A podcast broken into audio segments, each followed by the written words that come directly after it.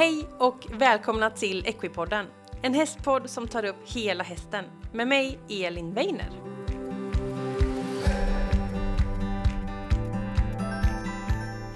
Hej alla fantastiska Equipodden-lyssnare och välkomna till veckans avsnitt av podden.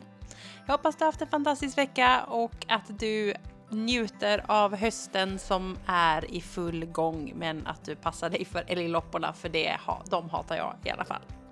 Men vi ska ta oss in i veckans avsnitt och eh, i det här avsnittet så gästas podden av Cornelia Rylén som är hoppryttare.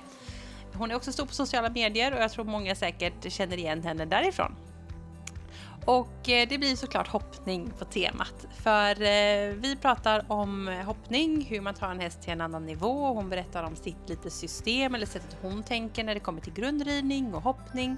Vi pratar om hur man kan träna distans till hindret och hur hon arbetar för att låta hennes hästar få ut sin personlighet. För om man tittar på hennes sociala medier så är det lite speciella hästar med mycket energi och mycket skutt. Eh, bland annat kanske jag ska säga. Så eh, vi får höra mer om hennes tänk i det här avsnittet. Eh, ett jättehärligt avsnitt med fantastiska Cornelia. Hon har ju otrolig erfarenhet och kunskap så det känns jättekul för nu kör vi igång veckans avsnitt.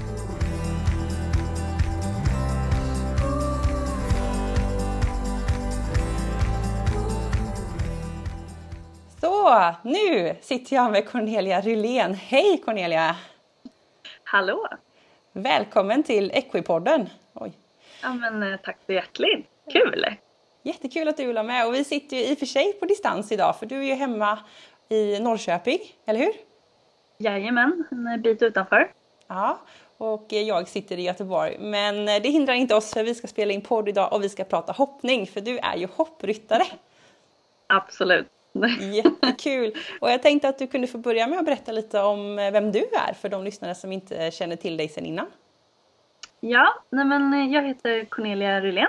Ehm, jag är 28 år gammal och jag bor eh, på mina föräldrars gård utanför Norrköping på Vikbolandet. Ehm, jag har bott här i hela mitt liv. Jag har aldrig haft något eh, val med vad jag ska hålla på med. Men det har liksom bara, bara blivit så här. Mamma har haft hästar, min syster har haft hästar och så vidare och så vidare. Så det, det, det bara blev så liksom.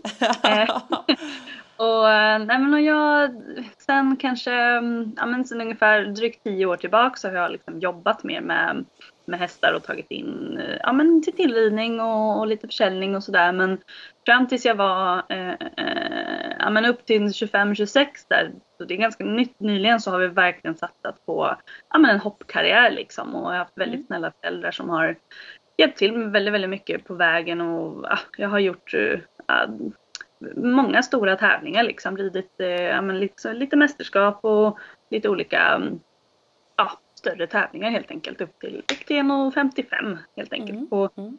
flera olika hästar. Um, ja, men har tonat ner själva tävlandet lite nu sista åren bara. Det, det blev svårt. Man blev över 25. men ja. Eh, ja, lite ändå. Ja, precis. Ja, då är det ju såklart hög konkurrens man har, men du har ju några år på dig att träna. Ja, alltså gud, det, det, är inte kört på något sätt men det blir en så tydlig liksom, eh, vad heter det, kontrast när man upp till U25 så har mm. man ju mer egna platser och eget utrymme och liksom mm. eh, ja, få, få framgång så att säga men eh, sen blir det mer på riktigt. Verkligen, och då är det ju de där gamla rävarna som har varit där ett tag och på toppen. så att, det är de man måste bråka med. ja, eller hur. Då får man, men erfarenheten kommer ju alltid med tiden såklart. Ja. ja. Kul! Och hur mycket hästar har du i stallet nu då? För du har ju lite tillredning va? Och lite egna ja. hästar och lite lektioner också va? Ja men precis, jag gör lite allt möjligt sådär. Jag, egentligen jobbar jag främst med att ta in andra hästar för, för tillridning och, och försäljning så. Men jag har några egna också. Um, som jag har mest som hobby kan man väl mm. kalla det. och jag har, um, mm, mm, jag har 13 hästar hemma nu. Um, jag har 12 eh, stallplatser och sen har jag lite löst, två lösdrifter men bara 13 på plats just nu. Mm. Eh, och bara... Det är ändå ganska många hästar. Ja, det är, jag har inte tråkigt. men ja, det har varit fler. Jag tror vi, hade, vi har haft 16-17 eh, som mest. Mm. Mm. Då är det mycket. Ja. Eh, ja, vad kul! Och vi ska ju dyka in i det här eh, ämnet idag. Vi ska prata om hoppning och vi ska prata lite om grundarbete och hinder och grejer. Men eh, jag tänkte först sådär påpeka, för du har en ganska stor Instagram också. Eh, med mm. över 80 000 följare någonting va? Ja, det har dock sjunkit. Jag hade typ 95 000 men sen så sålde jag någon knasig häst och då stack de. de var där de och kollade bara, på den. ja, men lite så. Det bara small till när jag köpte en häst som ja, men, typ sparkar mycket bakut och sådär och då, då, kom, då kom de för att bråka mest. Ah. Och sen har jag blivit mer och mer pedagogisk och inte provocerar så mycket och det tycker de är skittråkigt. Jag är jättenöjd, jag mm. sover bättre. Ja, härligt, härligt. För det som man kan se lite på dina sociala medier så delar du ju med dig av din vardag och dina hästar och, och, det är så kul att få se dina hästar för de har ju väldigt mycket personlighet och det känns som att du låter dem få utlopp för sina personligheter och som sa där, någon som bockar mycket och eh, någon ja. som skuttar lite och sådär. Kan du inte berätta lite om hur du ser på hästens personlighet och hur du låter den liksom få komma fram? Jo, men jag tycker det är liksom så himla roligt. Jag, jag visst att jag har ett system, men jag är väldigt så...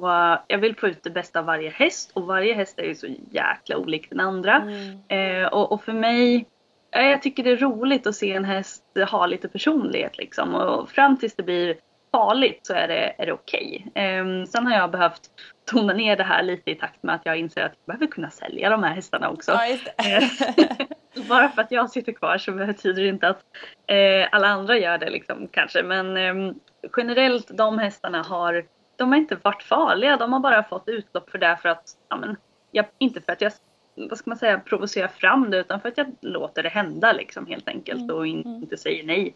Um, men generellt är det ju väldigt snälla hästar som bara får lite utlopp för, för glädje och det kommer jag inte sluta med. Då får, någon, då får man ramla av eller lära sig sitta kvar.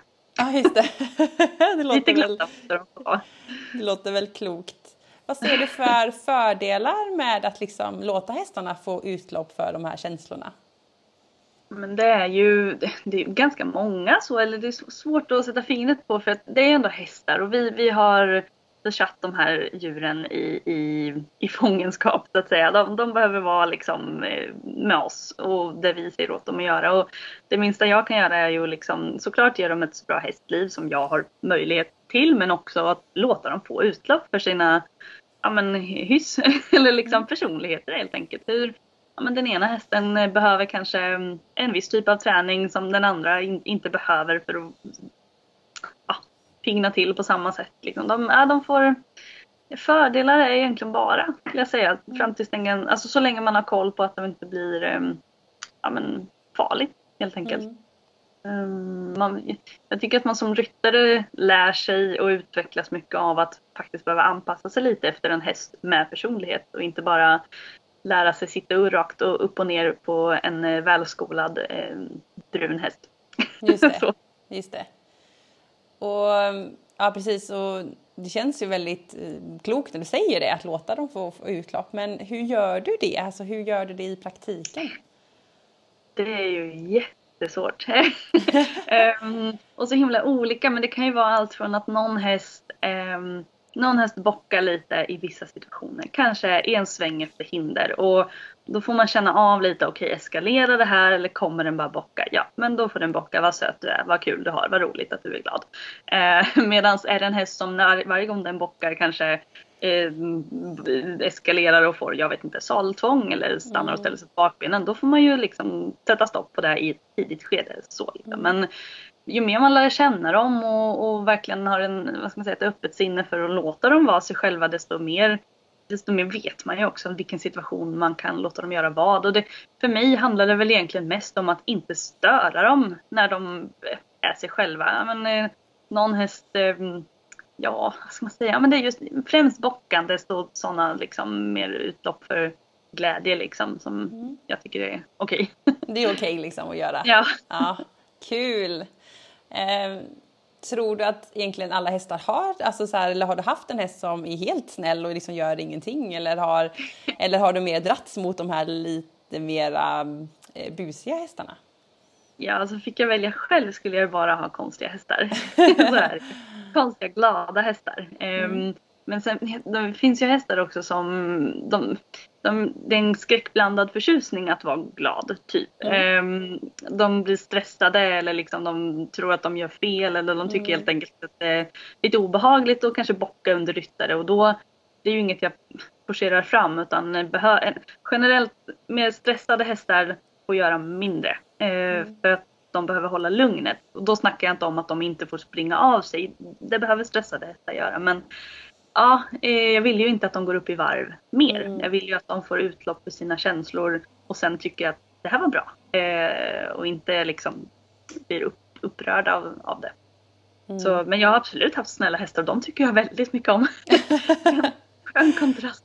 Jag brukar alltid säga att de är så välkomna när de kommer hit och en ägare säger att de har en snäll häst. Gud, tack och lov, välkommen hit, kompispris till dig. Jag får sätta prislista efter eh, humöret på hästen. jag hade en, en stund där det, vad fasen skrev jag? Eh, ja men det var typ så här dubbelt pris till elaka hästar, då var jag trött på dem. Ja, det. det. är bra, det är bra. Ja. Det är lite sådana trender med kaféet att om du säger en kaffe eller om du säger en kaffetack eller Exakt. snälla kan jag få en kaffe så är det olika pris. Exakt så. Ja, jag gillar det. Praktiken, men det, det var kul. Mm, kul, kul. Um, och det gäller ju som du säger att inte att det ska gå till överdrift och eh, jag ställde lite frågor till mina lyssnare vad de ville att jag skulle fråga dig och då kom det en del mm. frågor om hur man hanterar hästar som har lite sådana där egenheter för sig. Um, och eh, det kan ju gå till en gräns att det blir farligt eller jobbigt eller att man som ryttare blir rädd såklart.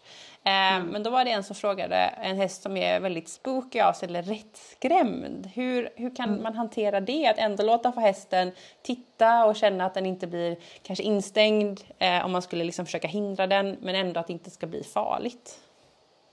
Ja, alltså om man ser på den stor, stora bilden så är det ju väldigt generellt. Alltså det som jag är okej med är ju inte alla okej med och, och tvärtom. Det finns ju folk som är betydligt mer självmordsbenägna än vad, än vad jag är och tycker saker är mer okej. Men utan man får ju tänka vad som passar en själv och dels vissa hästar passar ju inte alla och vissa beteenden passar inte alla liksom. Men um, jag jobbar, eller jag vill ju ha en avspänd häst Uh, och för mig är det väl viktigast att de om jag låter en häst bocka eller inte skäller på den för att den kastar sig. Jag skäller nog faktiskt på dem för att de kastar sig. Mm. Eh, men mm. det, det, viktiga är att de kommer tillbaks igen sen och snabbt kan lugna ner sig. Och en häst som snabbt kan lugna ner sig och snabbt släppa allting. Det, den har mer utrymme att göra andra saker. Och det var lite som jag sa förut, att de får inte bli mer upprörda för då blir ju det ett dåligt beteende. Liksom. Mm.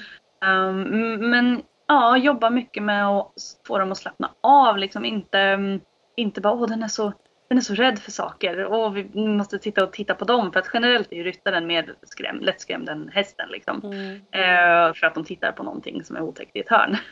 men, eh, jobba, ja, men jobba mycket med att de ska slappna av och kommunicera med hästen. Fokus på dig som ryttare och sen släppa på trycket. Ju mer tryck du bygger upp själv som ryttare desto mer tryck har ju hästen att ska man säga, explodera ut när den väl hittar på någonting eller får en lucka mm. liksom, att, um, att smälla på. Mm, Men ja, lugnt och fint och känna av, känna av varje häst liksom. Just det, just det. Intressant. Och om man har en häst som kanske ställer sig upp eller liksom inte vill gå fram, hur tänker du då? Mm. Det är svårt. Jag tycker inte om hästar som ställer sig upp. Jag gick över med en häst när jag, eller en mm. ponny när jag var liten och det har väl suttit i lite grann. Eh, så det har jag liksom nolltolerans mot.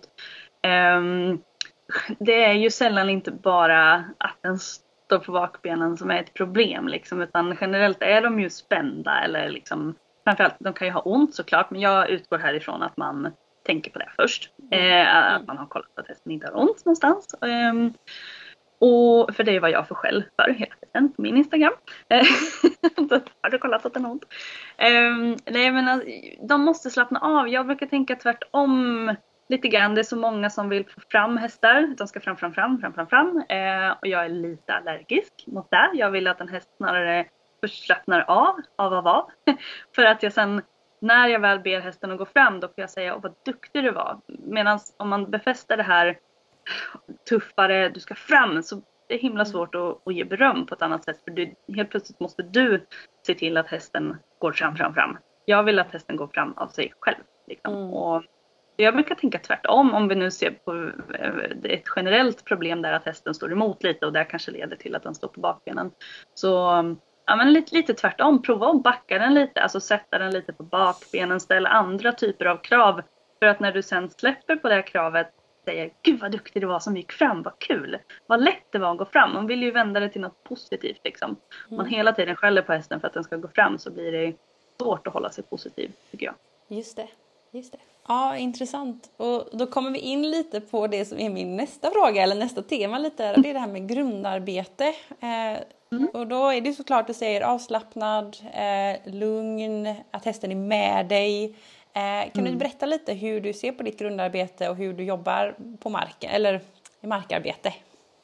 Jo, ehm, men jag har ett system, eller jag vill säga att jag har ett system men ju mer jag tänker på ett system så har jag inget system för utan jag bara, jag har, det, systemet är en känsla lite grann och det är ju skitsvårt liksom. Men Mm. generellt är det viktigast för mig att den inte eh, ökar när jag inte ber den öka. Alltså den ska vänta, den ska vara i balans. Och det kan innebära att jag tar lite i båda tyglarna, ber den böja lite inåt kanske och då ska inte hästen bara bära iväg framåt liksom, utan den ska säga "Åh, okej, jag lyssnar på dig.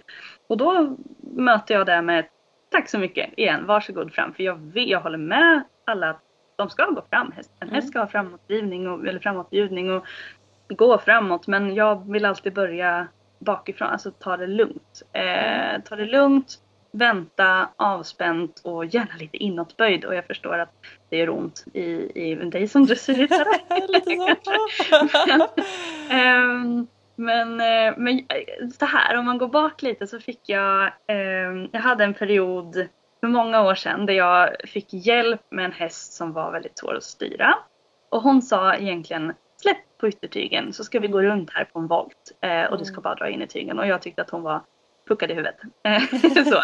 Men long story short lite grann så det lärde mig, det fick en helt annan syn på saker och ting. För att det, det innertygel för mig är ehm, ett sätt att få hästen att tänka på något annat än den spänning den är fast i. Så att säga. Yttertygel för mig är spänning och det kan vara bra spänning och dålig spänning. Mm.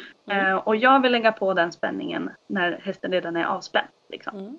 Ehm, och många tror nog som har hört mitt det här innertygelsnacket liksom att jag bara svänger med inner. Alltså så, det är inte riktigt så utan jag vill mer, jag, är snabb med att gå in och jobba innerkila när hästen går upp i spänning. Jag är snabb med att slä- släppa på trycket. För jag tror att det är många som har det så himla hårt inpräntat liksom i sig att det ska vara yttertygel och innerskänkel till yttertygel och det ska vara fram till båda händerna och man bara ja det är super tills du har ett problem som du inte kan lösa med samma ridning. Liksom. Och då, Mm. Där har jag valt att vara lite mer flexibel kanske än många.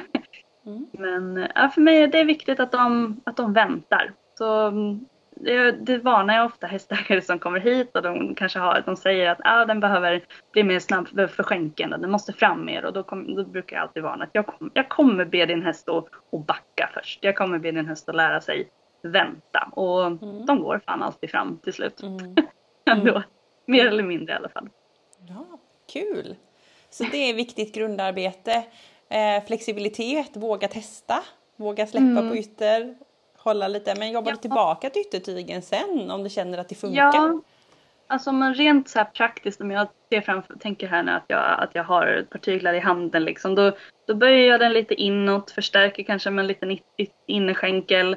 Eh, och när jag känner att hästen ger efter på spänning och kanske formar sig lite efter mig, då landar jag på yttertygel och, och får en bärighet och ett stöd där med, med en mjuk innertygel. Liksom. Men som sagt, går den direkt sen upp i spänning eller senare upp i spänning, då, då är jag snabb med att böja mig inner. Men, I en kombination med att hålla kvar på ytter för att behålla tryck och bärighet. Men ja, just att jag, jag är inte stenhård med den liksom. Eh, om det inte Mm. behövs. Utan snarare upplever jag att jag får en, en häst som ligger lite på yttertygen men väldigt mycket lättare än en häst som är van att bli riden fram till yttertygen Mm. på ett annat sätt. Så jag använder yttertygen typ som vem som helst fast lite lättare. Skulle jag säga. Mm, just det, lite flexibilitet som du sa där. Mm.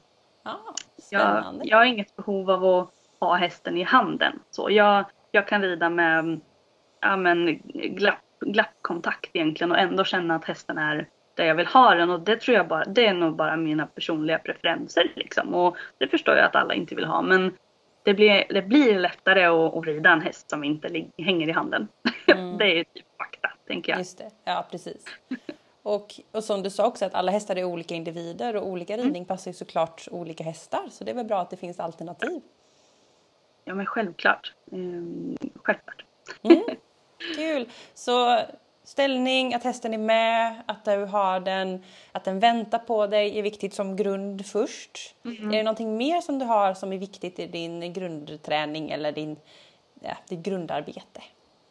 Alltså att den är lyhörd liksom och det gäller ju både fram och bak men jag kommer ändå tillbaks till då att den måste då lyssna bak först eh, för att eh, det är ju alltså om du, om du får fram en häst eh, mycket framåt så är det ju ett tyngre jobb att mm. göra den lyhörd i än om du får en häst att gå långsamt först. Liksom. Mm. Eh, men jag vill att de är känsliga. Jag har hellre ett skarpare bett än ett för snällt bett och hänger och drar liksom. Och, ja, de ska vara lyhörda, de ska vara balanserade, de ska inte jag är allergisk mot att de lutar inåt. Eh, de får inte gå före mig i någon sväng någonsin. Mm. Eh, här, här går vi i balans tills jag ber om något annat. Liksom. Så det är alla de här orden vi har pratat om. Det är bara att, jag, ja, att man är jäkligt konsekvent i det. Jag, det är nog också ett, ett viktigt ord för mig att man är konsekvent. Liksom. Jag, Just det. Eh, i all, både i hantering och, och ridning men eh, ja, man är konsekvent. Mm, just det, att det är samma hela tiden så att hästen känner igen. Mm. Ja. Verkligen. Kul. Och då har du det som ett Ja, precis. Och då har du det som ett grundarbete. Eh, mm. Och sen så för du över det. Hur går du vidare sen om du tänker ett dressyrpass? Nu gör jag sådana snufferon då, dressyrpass, mm. att du har det som din grund. Eh, hur tar du vidare det in i hoppningen sen? Alltså jag ändrar egentligen ingenting eh, utan jag, markarbete för mig är hoppning utan hinder. Alltså mm. Mm. Det, mm. det, är precis. Jag vill ju skapa en häst som jag känner att det är lätt att hoppa hinder på eh, och sen landa och styra och göra vad man vill efteråt. Liksom. Jag vill inte jag vill inte befinna mig i den här situationen där jag vet att jag behöver hjälpa hästen med hundra saker med fysiskt utan jag vill bara kunna guida den typ med mitt kroppsspråk och min tanke typ. Jag vill väldigt så, eh, ja, kortfattat att de ska läsa mina tankar på poäng, liksom så. Eh, det vore bra. Mm. eh, nej men jag tar, jag tar in med mig allt det här in. Jag vill kunna få ha ett hinder framför mig och hästen ska bara hoppa där som en, del, en grej på vägen liksom. Och allt annat är jobb runt det för att sen bara ta sig till ett hinder. Eh, inget annat, liksom. det är ingen annan galopp, ingenting, utan galoppen anpassar jag efter höjden på hinder möjligtvis. Liksom. Men eh, jag, vill, jag vill bara att det ska vara så flexibelt som möjligt. Och för mig som inte, alltså jag, jag håller in, jag har ingen plan. jag är helt planlös eh, med allt jag gör typ. Så då vill jag bara kunna känna att det ska funka oavsett. Eh, jag vill inte veta, behöva veta att jag måste göra på ditten eller datten sättet utan jag vill kunna ta, hamna i vilken situation som helst och lösa den. Typ. Mm. Och det vill jag vara förberedd för. Så. Mm. så. Härligt att inte ha någon plan. ja, det är jätteskönt. Att bara få vara. Det känns ju jätteskönt. Jag själv är en sån här extrem planperson va? så att det låter väldigt skönt att bara få vara fri och bara göra. Så, Oj, det kommer ett hinder här, vi tar det. Så. Ja, noga. Härligt. Eh, men hur ser, liksom, om man tar en, en eh, häst hos dig, liksom, hur ser veckan ut? Hur gör du arbetet och vad gör de? Går de över hinder varje dag? Berätta lite. Ja, nej men en väldigt eh, enkel, alltså vad ska man, vad heter det? Eh, standard typ. Mm. I snitt, det är väl Ja, några, man trimmar ett par dagar kanske och sen lite beroende på häst om man vill eh, sätta ett hopppass efter de trimdagarna. Sen kanske man varierar med skog. Rider i skog efter möjlighet med väder och om hästen har valt att aktivt vilja döda mig där ute eller inte. Ja, eh, jag har slutat orka med dem. Eh, mm. Men, eh, men jag varierar ganska mycket och jag vill, jag vill känna, jag brukar generellt hoppa efter att jag har trimmat. Jag vill veta lite, jag vill ta med mig det in liksom mm. i, i hoppningen. Um, och efter ett hoppass brukar de få jogga lite och sen vila dagen efter det. Eller gå i skogen eller sådär. Men, um, men det, det, är ganska varierat och det är väldigt beroende på häst. Um, jag hoppar väl oftare på hästar som har mindre rutin och är kanske lite osäkra eller så. Um, och mer sällan eller typ aldrig på hästar som vet precis vad de håller på med. Mm. Mm. Då, jag, har, jag har haft hästar som jag, jag har haft mina egna då, som jag har känt i många år som jag alltså, kanske inte hoppat på en månad. Eh, mm. Och sen åkte ut och tävlat en 1,40 kanske och det brukar gå bra. Eh, men det, det är ju, jag tror också det speglar bara hur jag är som person lite grann. Jag, mm. Känner jag mig trygg i vad jag ska göra så, så behöver inte jag förbereda mig speciellt för det. Liksom. Sen är, mm. det, är jag kanske trevlig mot hästen och tar ett par språng liksom, så att den mm. inte av förvåning. Men ähm, jag, jag, känner inte att jag behöver åka och hoppträna liksom, bara för att jag ska göra något sånt. Det hade kanske varit bra här. Men äh, ja. Mm, men det låter härligt. Jag gillar att du verkligen låter att du utgår från din eh, person och din känsla. Det känns ju verkligen mm. viktigt för dig att du och hästarna ska ha en känsla tillsammans. Och om du litar på att den här hästen har koll på läget, jag måste inte hoppa, då är det väl skönt att inte göra det, antar jag. Ja, men precis. Det är ju ändå ett slitage, liksom. det kommer vi inte ifrån. Um, och att hitta ett sätt för varje häst att uh, ja, slita på den så lite som möjligt är ju det mm. optimala, tänker jag. Spännande. Och då kommer vi ju in lite på själva hoppningen då.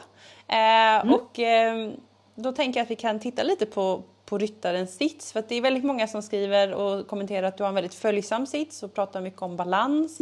Eh, också läst och mm. skrivit lite om balans och det kom lite lyssnarfrågor om det. Eh, kan inte mm. du beskriva lite vad tycker du är en följsam ridning och hur får man en mer följsam ridning? Om vi börjar där.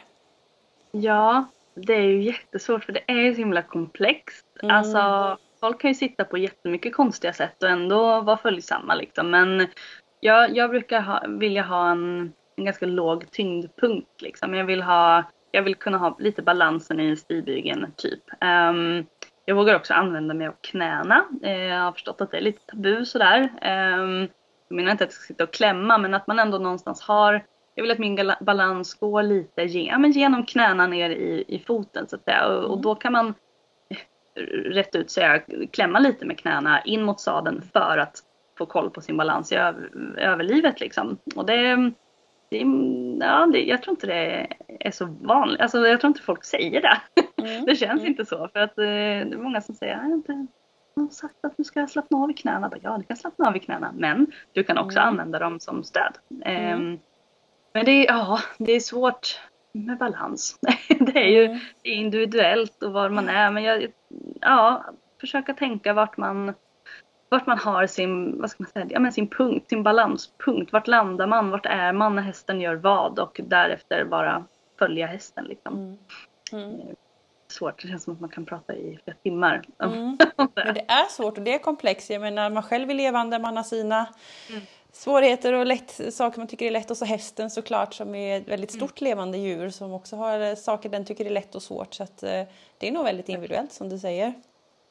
Ja, och, och jag, tror, jag tror det har ganska mycket att göra med att många mm, har lite olydiga hästar, är lite ogenomridna och jag brukar säga att det är skitlätt att sitta fint på en häst som man har koll på men det är jättejobbigt att liksom fokusera på att sitta vackert på en häst som är oriden. Mm. Så det är bättre att liksom kanske lägga energin på att få ordning på hästen och hur den rör sig och hur du kan kommunicera med den för att den är ganska lätt att sitta vackert där uppe. Ehm, mm. Mm. Många hakar upp sig vid att sitta perfekt eh, och så mm. går hästen ändå där som en kamel. Då är det jättesvårt. Just det. Skita lite i det först kanske. Ja men lite så, alltså inom rimliga gränser såklart. Men um, det är alltid viktigt att inte dra hästen i munnen över hinder och liksom, då är det bättre att ta ett mantag och bara vara var lite före. Men då hamnar vi ju också i att då kanske man inte ska ge sig in i situationer där man inte kan hänga med liksom förrän man är där. Och ja, det är många som säkert går före, före vad de är redo för lite grann mm. i träningar och utmaningar. Mm det är också svårt eh, att vara själv redo för den nivån man vill upp till eller planerar mm. att hamna på. Eh, och det är också en liten fråga jag har där, liksom så här, hur man utvecklar en häst till nästa nivå. Att man säger att man har en häst man kanske har köpt som har gått 1,10 eller en meter 1,10. Det tycker jag personligen mm. är väldigt högt. Eh, men alltså att man kanske har ambitioner själv att tävla högre. Hur gör man för att utveckla en häst till nästa nivå och hur vet man när man är redo för nästa nivå, både häst och ryttare? Ja, jag tror egentligen inte det finns något roligt svar. Eh, mm. Utan det, det, är nog bara tid. Alltså om man gör, man gör det man kan och är bra på tills man kräks på det och då går man upp en nivå liksom. Och mm. att man alltid är redo att backa eh, mm. ett steg. Jag tycker inte man ska liksom nöta på en nivå man inte mår bra på så att säga bara för att man ska, kan eller tror att man kan och vill. Eh, utan mm. man ska göra saker som man vet att det går bra lite grann. Men Ja, det, och allt, ja. jag har nog inget jättebra svar så, utan det, man, det är så himla individuellt. Man kan ha en mm. häst som lite grann inte, inte mår mentalt dåligt av att ta ett par bommar. Utan, alltså, och, och då, så nu, nu pratar vi ju hoppning då, eh, och då, um, då är det kanske lättare att ligga på, vad ska man säga, inte en nivå för högt men en, och ändå kunna ge sig in i en större klass och prova på och mm. in, in, dö liksom. Men det finns, mm. ofta blir ju hästar skrämda och de är också individer liksom. Man vill ju inte att försätta dem i en situation de inte klarar av liksom. Så jag tycker att det är snällast mot alla inblandade och bara ta det lite, ta det lite lugnt. Mm. Just det. Viktigt men också väldigt svårt såklart. Ja. Mm. ja men verkligen och jag tycker det är svårt att ge ett brett bra svar på det här liksom. Mm. För att är ju så himla olika. Som sagt, vissa kan ha en häst som, nej men det är lugnt, ut och tuta och kör, prova bara. Går det inte så mm. provar vi nästa gång. Medan andra säger man liksom att nej nu gör du tio starter i den här höjden först och tycker du att det är skittråkigt, ja då gör du en till och sen får mm. du gå upp fem centimeter. Alltså det beror lite på, på häst och på ryttare och vad man vill ha för, vad man är redo för typ av bakslag eventuellt liksom. Mm. Det är inte alla som Vissa kan ju ta det liksom, mm. både häst och, och människa. Mm. Eh, men äh, man ska nog ta hjälp då, tycker jag. Mm. Det är nog det lättaste. Ta hjälp av en bra tränare som kan ja. coacha lite. Exakt. Mm. Mm. Ja, det, ja, jag håller med. Det är svårt. Och jag tycker också det är svårt att veta så här, är jag redo? För man vill inte halva för länge. Man vill inte fastna. Nej. Eh, men inte kanske att man inte vågar. Mm. Precis, och liksom, ja, och fastna. Vad, vad, vad innebär det när man fastnar? Varför fastnar man? Är det för att man inte vågar ta nästa steg? Men ja, då är vi där igen. Då ska du kanske ta hjälp av någon som i så fall pushar dig. Eller så kanske det inte är nödvändigt att ta nästa steg. Vad ska du hoppa högre för? Måste mm. du det? Ja, men alltså, mm. eh, man ska väl göra det. Man håller väl på för att det är kul, tänker jag. Mm. Eh, Ja, och då, då ska det vara roligt. Mm. Man ska inte gråta på vägen hem varje gång liksom. Nej, precis. Någon gång man gör det. ja, livet är ju livet. ja. ja, men det är nog också väldigt klokt sagt som du säger att liksom eh, det ska vara roligt. Det känns som att man lätt mm. tappar det lite när man har höga ambitioner. Eh, mm, ja, det tror jag. Missar den lite grann. Ja, och då får du ännu större bakslag och då blir det ännu mindre kul eh, mm. till slut. Så jag tror man ska vara lite lite försiktig där. Mm. Var, varför håller jag på egentligen? Mm. Och um, hur kan jag göra det roligt för mig liksom? Och hur kan jag utvecklas i, i min takt och att jag kommer dit jag vill. Då behöver du hjälp helt enkelt. Mm. Jag tänker hemma träningsmässigt om jag känner att jag vill utveckla min häst oavsett om det handlar om att gå från 50 cm till 70 cm eller 10, 20 till 40, 50, jag vet inte. Eh, men har du några träningstips som man kan göra hemma för att utveckla hästens hoppning? Um, men då låter det lite som att man ändå är lite osäker. Alltså om vi pratar, mm. jag tänker då generellt mm. att man är lite osäker antingen på sin egen förmåga eller på hästens förmåga. Och då, alltså lätta grejer det är ju att hoppa i serier. Mm. Um, och få känna på höjden ur kanske ett ursprång på en kanske lite mm, stigsprång oxer liksom. Där frambommen är lite lägre än bakbommen. Um, man har hoppat kanske en kombination innan eller sånt där. Då bara få känna på hur känns det, ramlar jag av det här språnget liksom? Eller hur mm. känns det i landningen? Kan jag styra min häst typ? Mm. Uh, och sådär. Men annars tycker jag liksom, det ligger så himla mycket i grundridningen. Du, du ska känna dig trygg och rida an ett hinder och sen hur högt det hindret är. Det, det spelar liksom mindre roll bara du alltid är trygg i anridningen lite grann. Jag tror många många tror att de har koll och tycker att det känns bra sådär när hindren är små. Men det är bara, bara för att hindren är små, inte för att de faktiskt har koll på vad de håller på med. Mm. Utan eh, och man fokuserar bara på ja men det går ju bra för att det är så lågt. Men, mm, men går det bra för att det är lågt för att du hade tur den gången och det var lågt? Eller Alltså så, de, ja, jag tror att man måste lära sig att rida an ett hinder och hur det känns och hur man hanterar sin häst mot ett hinder liksom och hur mm. man, och sig själv mot ett hinder och efter ett hinder. Mm. Då, jag tror att höjden är, är livsfarligt då om man förutsätter att man har en häst som inte är alltför osäker liksom. Mm. Just det, anridning är jätteviktig. Och jag som är dressyrryttare då, kan du inte beskriva lite grann, vad är en bra anridning? Hur gör jag? Vad ska jag göra? Oj. men jag gillar ju att ha koll på hästarna. Jag tycker inte om att bara sätta galoppen liksom. Bara för att jag ska hoppa en bana så sätter ju inte jag snurr på galoppen och bara styr på liksom. Utan jag vill känna att hästen är med mig. Lyssnar den bakåt? Går den att styra? Går den att liksom, eh, lyssnar den framåt också såklart? Eh, och den ska kännas alert. Den ska kännas liksom levande. Känns det som att kommer ett hinder nu kommer vi överleva det? Bra. Ja men då är du redo för din anridning mm. liksom. Um, och, och, att den typen av galopp beror på typ av hinder och höjd på hinder och typ av häst. Alltså vissa hästar kan ju hoppa 40 och 50 hinder i, i skritt liksom. Mm. Eh, Medan mm. andra behöver lite mer, lite mer tryck. Och det, det är ju så himla beroende på liksom. Men um, det ska kännas lätt. Anridningen ska kännas lätt. Man ska inte liksom det är många som Eh, ja men man glider kanske genom en sväng, man är lite för nonchalant och så när hindret kommer bara shit helvetes fan jag behöver både bromsa och gasa på samma gång. Eh, nu dör vi. Eh, ja, jag tror generellt att många är oförberedda och jag, jag mm. tycker det handlar om att ha ordning på sin skit i tid. Mm, då, då är det lätt alltså. Har du en mm. häst som är stark, kanske efter hinder, ja men liksom vänta inte 40 meter med att liksom sätta den på rumpan lite utan ordning på det direkt så kan du tänka åh vilken trevlig och härlig och söt häst jag har hela vägen fram till hindret och så blir det rätt. Så det mm. är ju igen det här att vända det till, våga vara bestämd och konsekvent i tid så kan du vara glad och trevlig sen. Jag tycker mm. att man ska vara glad och trevlig men det kräver såklart lite, lite jobb. Mm. Jag fattar. Där kommer vi tillbaka till grundarbetet igen och testen känner ja. igen mitt grundarbete och förstår vad jag vill av den. Liksom. Exakt. Mm. Mm. Exakt. Och det, jag upplever att det inger en trygghet liksom, i alla fall för mig som ryttare men jag, jag upplever att andra är likadana liksom att har jag koll på vad jag sitter på så är det inte lika otäckt medan om man sätter sig på en häst och, och har egentligen inte säga, känslan och kollen på vad man gör men man vet att jag, jag behöver lätta handen lite eh, två språng innan och jag behöver lägga om benen mycket, exakt tre språng innan och kommer jag nära då behöver jag göra så här och kommer jag långt. Alltså man har ett helt mm. projekt och man måste mm. lösa av och det känner jag att jag blir nervös av bara jag tänker på. Mm. och, och, det är ju mycket svårare liksom att jobba så. Jobba från andra hållet istället och som jag sa med, med grundarbetet där att du ska bara alltså, kunna hamna i en situation och känna att det är okej okay lite hur, vad som än händer inom, inom rimliga gränser. Mm. Um, så kommer det gå bra. Så tänk, tänk på sånt istället mm. för att bara tänka på att pricka hinder liksom. Mm. Ja, intressant. Jättebra tankar tror jag.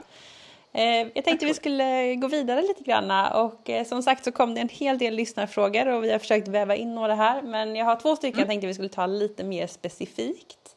Ehm, mm. Och då var det flera som frågade om det här med distansen till hinder och det är lite som vi var inne på här.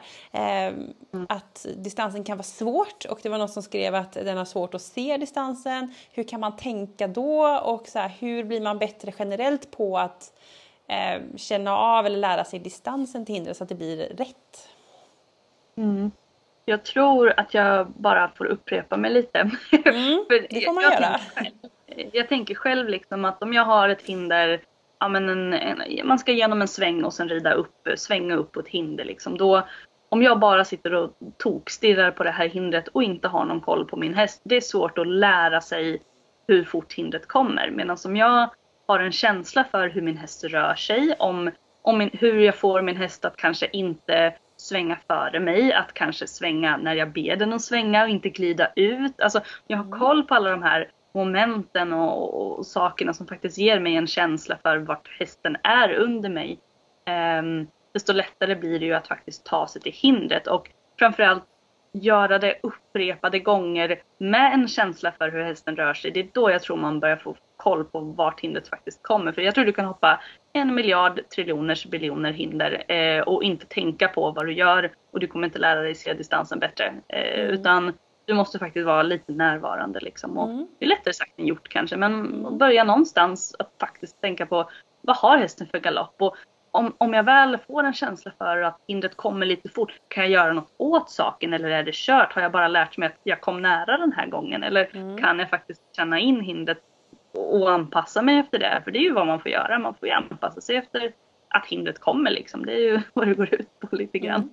Mm. Men Mm. ja, Ja, närvarande. Jag tyckte det var bra. Mm. Och det här att liksom så här, vad hände nu? Hamnade jag bara här nära? Eller vad kunde jag ha gjort? Att lära sig av sina misstag då. Eh, ja men exakt. Mm. Och jag har lite, mm, jag, men det är ju kanske jag som person också, det har jag förstått. Jag räknar ju inte distanser, alltså jag stegar ju inte någonting på tävling. Jag är ju en väldigt dålig förebild. Eh, så. Men, men jag har också lite svårt för de här som de bara, "Ju- det är åtta språng här och jag vet att det är åtta språng här. Och så liksom landar de och de har ingen koll på hästen och så det går fyra språng, det går fem språng, det går sex språng och sen bara så här, okej, jag har ett språng kvar nu fast jag ska in Mm. åtta språng. Alltså du får inte Mm. ut någonting av den informationen. Du får ut information av att veta att du behöver vänta om du kommer fort in eller du tvärtom liksom. Mm. Mm. jag, jag tror man kan få ut saker av att räkna språng om man förstår varför man räknar språng. Mm. Lite grann, ja, vi, ska ha, vi ska sikta på åtta språng här och hur gör vi för att få in det? Är det åtta korta språng kan jag då lära mig att komma i en större galopp in över första hindret och faktiskt få lära mig att shit helvete vad kort det blev på åtta språng och, och lära mig att anpassa mig efter det. Eller jag vet att det är åtta korta språng. Om jag kommer i en stor galopp in då kanske jag når på sju. Ja, men Mm. Tänka lite mer än att bara räkna språng. Liksom. Det, Mm. det finns säkert tekniker i det men jag brukar all, alltid, det är ingen som får veta hur många språng det är mellan mina hinder. och Nej, just det, det blir något. De mår jättedåligt av det och det tycker jag är helt det är nyttigt. Mm. Man får tänka lite själv och inte bara gå som en robot så här. Jag ska ha in som du Ja. sa. Ja. Ja men lite så. Jag kan vara snäll ibland och säga att kommer du stort in då får du fan lugna ner dig ut. Eh, kommer du nära in, ja då behöver du gasa lite. Mm. lära sig att liksom, för då blir det ett ansvar på ryttaren att oj, och känna av hur kom jag, vad hände nu inför det här hindret och vad betyder det för mig när jag landar? Liksom. Mm. Inte bara språng, två språng, tre språng. Ehm, Just det. Det jag inte man vinner något på. Mm. Intressant. Och landningen är såklart jätteviktig att liksom få kontroll ganska snart då om man ska hoppa fler hinder. Ja men såklart, säg att du har, behöver bromsa liksom, då kan du inte där ta fyra språng. Då hamnar du i skiten oavsett. Även om du Mm. får in dina åtta språng så är det liksom de fyra sista är dåliga språng. Då river ni ändå hindret eller Mm. stannar eller något annat dumt. Men ja, balans, lyhördhet och din egen, din egen balans som ryttare. Hur landar du i sadeln? Jag brukar gilla att man Ska man få hästen lyhörd tillbaka fort, egentligen framåt också, så landar man i lättigt. Om man tar sin första förhållning i lättigt. För då Mm. har man inte lagt på något tryck eh, innan man... Vi, vi ska ju nu alltså här landa på hästen och be den att lyssna på mig. Och då Mm. är det smart tycker jag att inte lägga på ett tryck först. Lägger du på Mm. ett tryck först, då hör hästen generellt sämre vad du ber den om efter det. Mm. Tryck i Eh, sadeln medan- tänker du att det liksom... Exakt, ja Mm. förlåt. Sätta sig Mm. ner liksom. Eh, Mm. Ben och sånt. Utan snarare landa lättigt. Kanske knipa lite med de här knäna. Som jag vågade påstå förut. Eh, Mm. Och ta första förhållningen. Få en reaktion och efter det möta hästen med mer sits och skänkel. Liksom. Mm. Jag tror det är väldigt kon- kontroversiellt att Mm. ja, vi ska ta hästen i handen först. För det var fan inget jag fick lära mig. Utan det är ben och skänkel och sits och sen hand. Mm. Och Mm. ja, absolut. Om du har en häst som inte landar och springer iväg. Mm, just det. Och lite det här med att liksom en sak i taget. Eller hur? Mm. Att liksom, Dela upp det. ja, att jag kanske inte ska ta handen och sitsen. Det kanske blir lite mycket för vissa hästar. Verkligen. Och för vissa ryttare. Alltså Mm. många är ju stressade i, i liksom just en sån situation och då och faktiskt göra en sak i taget och göra de sakerna bra och tydliga. Det tror jag är jätteviktigt. För Mm. alltså det är ett ansvar som ryttare. Du, hästen vet ingenting annat än vad du säger åt den. Och, och då är det ditt jäkla jobb att förmedla det på ett tydligt och liksom schysst sätt. Och enligt din egen bästa förmåga liksom. Och alla kan inte göra allt på samma gång. Och alla Mm. förstår inte allt på samma gång. Så um, lugn och tydlig. Mm. Bra, den skickar vi med också. Eh, Ja. Vi tar en lyssnarfråga till och det var en som undrar hur man får mer power i språnget. Och jag antar att man vill ha mer tryck uppåt då, eller? Mm. Ja, det beror ju lite på hur hästen hoppar tänker jag. Vissa, det finns hästar som hoppar alltså lite platt och bara lågt och ja, kraftlöst. Det finns hästar som hoppar bara framåt eh, och river en frambom men tar sig fyra meter bakåt eller framåt istället. och finns hästar som bara hoppar uppåt och så kanske att landa på en bakbom. Um, men för, för mig i alla fall och min känsla så ligger det här i grundjobbet liksom. Om nu, min, min drömvärld, en drömkänsla, då sitter jag på en häst som är i balans. Den lutar inte åt något håll jag inte ber den åt utan den går där och den är följsam för mina hjälper. Och så lägger jag på ett tryck, det vill säga en liten skänkel kanske, typ, typ att jag spänner vaden lite. Det är typ där jag vill eh, bidra med. Och, och, och då förklarar jag för hästen att nu ska vi, nu ska vi hoppa lite högre liksom. Nu lägger vi på lite mer tryck. Så, men, men egentligen hela min hoppfilosofi går ut på att inte, inte lägga på något tryck när man hoppar. Utan jag vill att hästen ska lära sig att ta sig över hindret mer eller mindre själv. Jag ska bara guida liksom och ha satt hästen i, i en värdig position inför uppgiften. Men eh, ja, jag brukar säga att liksom, eh, ja, sen på tävling där uppåt mot 1,40-1,50 då, då behöver du lägga på en liten vad, liksom, en liten Mm. vadmuskel. Det är det som behövs. Annars ska du bara ha en, en galopp anpassad efter uppgiften. Liksom. Så det, det är en svår fråga men jag tror att du får mycket, mycket tryck och gratis liksom, tryck av att ha hästen i balans och vara färdig, inte vara kvar i handen, inte klämma, inte dra, inte göra massa dumheter utan bara presentera hindret på ett trevligt sätt och säga här varsågod vad kul, vi ska hoppa nu. Mm. Eh, och, då, och så sitter man på en mer eller mindre talangfull häst och anpassar sig efter det. Mm. Just det. Och utvecklar efterhand då när, man, när det blir bättre Ja. och bättre. Mm. Ja men alltså för hur, hur mycket du än jobbar så kan du ju inte hoppa åt hästen. Liksom. Mm. Det typ går inte. Eh, det är skitsvårt. Då får du hoppa av. Utan, eh, ja precis, nu får lite Pippi Långstrump eh, kasta över hästen. Men eh, utan det handlar väl liksom om att eh, okej behöver den här hästen kanske eh, några månader av mer lite bommar som hjälp, alltså serier, studs, styrka, allmänt liksom få lära sig upprepade gånger hur den faktiskt ska hoppa eh, på, på eget ansvar.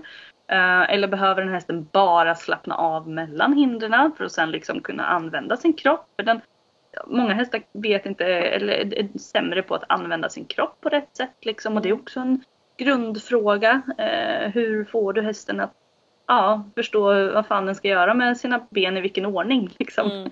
Ehm, och, och det handlar ju inte bara om att sätta sprätt, sprätt i fart och hoppa hinder utan ja, det är ju, det är ju lite komplext. Liksom. Mm. Grundjobb. Mm. Verkligen. Vi kommer tillbaka till det, det viktiga grundjobbet hela tiden. Ja, och det tror jag ändå att alla är överens med mig om. Det är bara att jag säger andra ord.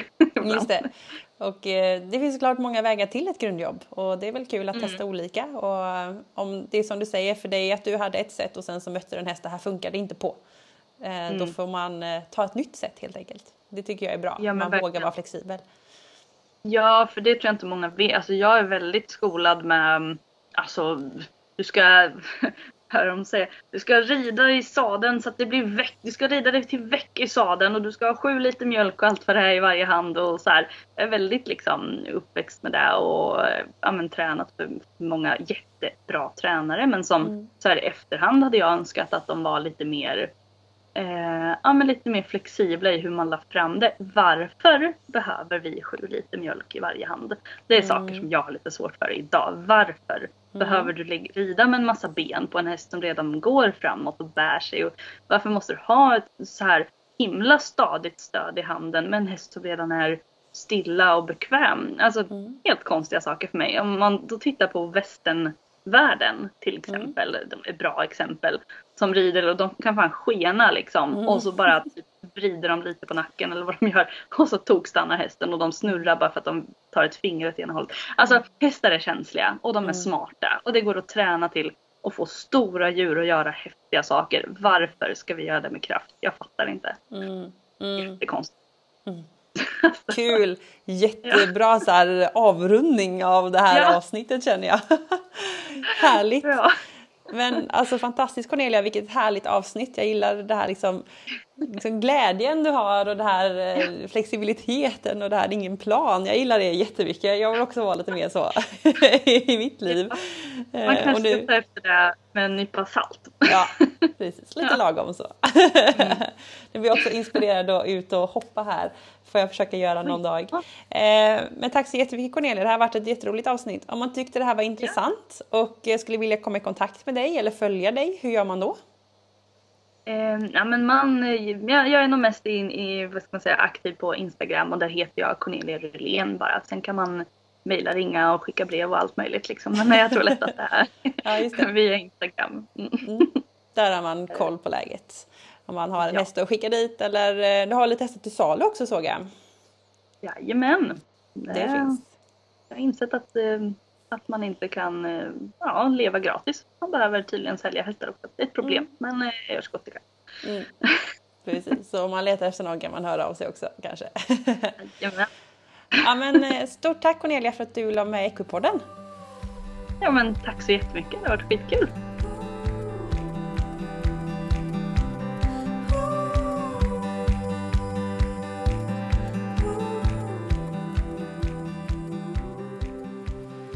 Tack Cornelia för att du vill ha med i Ekopodden och tack för ett jättehärligt, positivt och glatt avsnitt. Jag hoppas du som lyssnat också tyckte att det var ett härligt avsnitt.